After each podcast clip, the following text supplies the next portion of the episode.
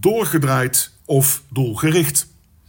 Beste mensen, soms verschijnen er van die berichtjes in de media die de tongen nogal losmaken.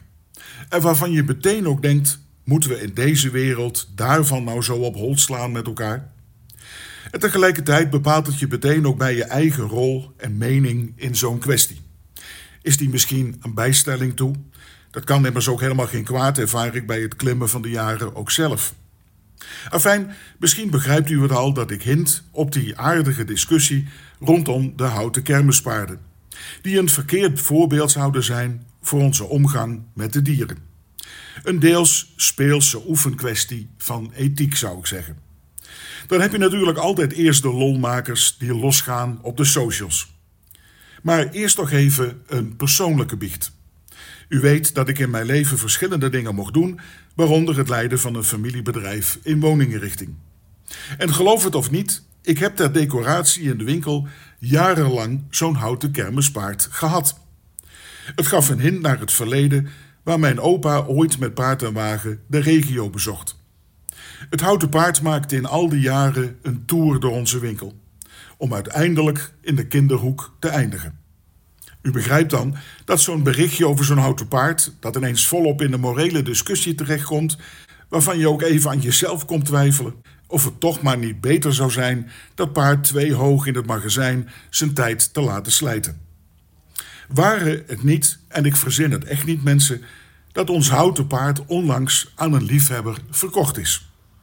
De generatie na mij had er niet zoveel mee en de hobbykoper was er blijkbaar blij mee. Over principiële bezwaarden tegen houten paarden had ik eerlijk gezegd nog nooit nagedacht. Maar onze kinderen en kleinkinderen hebben met heel veel plezier, ook voor opa trouwens, menig rondje op houten paarden, brandweerauto's, giraffen of zeemerminnen of anders draaiend rondgebracht.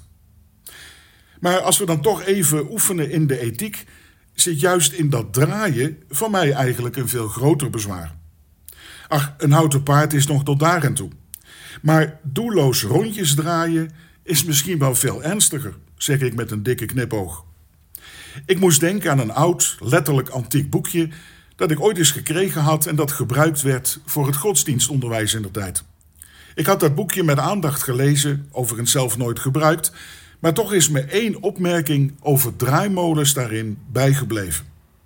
Het hoofdstuk ging erover om jongeren tot nadenken te zetten over het doel in je leven.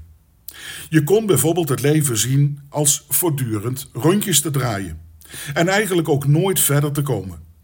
Telkens weer op hetzelfde uit te komen, en ja, daar was dan het voorbeeld, zoals in een draaimolen op houten paarden. Je leven zit dan in een bepaald patroon, in een ritme, dat zich telkens misschien wel in een andere vorm zich herhaalt, maar nooit echt verder komt. Soms zijn we zelf dus van die kermispaarden, die misschien wel bewegen, maar alleen maar hun rondjes draaien. We spreken er ook soms zo over. Ik moet weer een dienstje, een roostertje draaien. De bol draaiende houden in mijn gezin of bedrijf. Of het gevoel hebben dat het allemaal niet lekker draait in je leven. En dat je zelfs dreigt door te draaien. Of de wereld waarvan we het gevoel hebben dat die doordraait, of misschien wel doldraait. Een leven in rondjes zonder doel. Cyclisch denken en leven noemen we dat.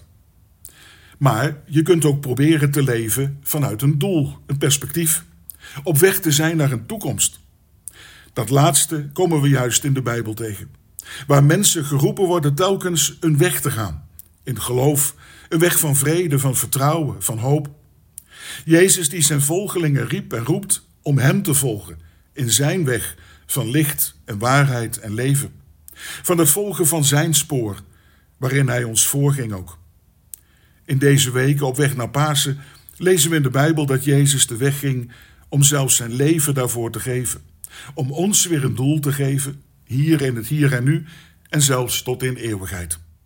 In deze wereld, mensen, stond een houten kruis ooit, die ons de weg van vrede naar God en elkaar bracht.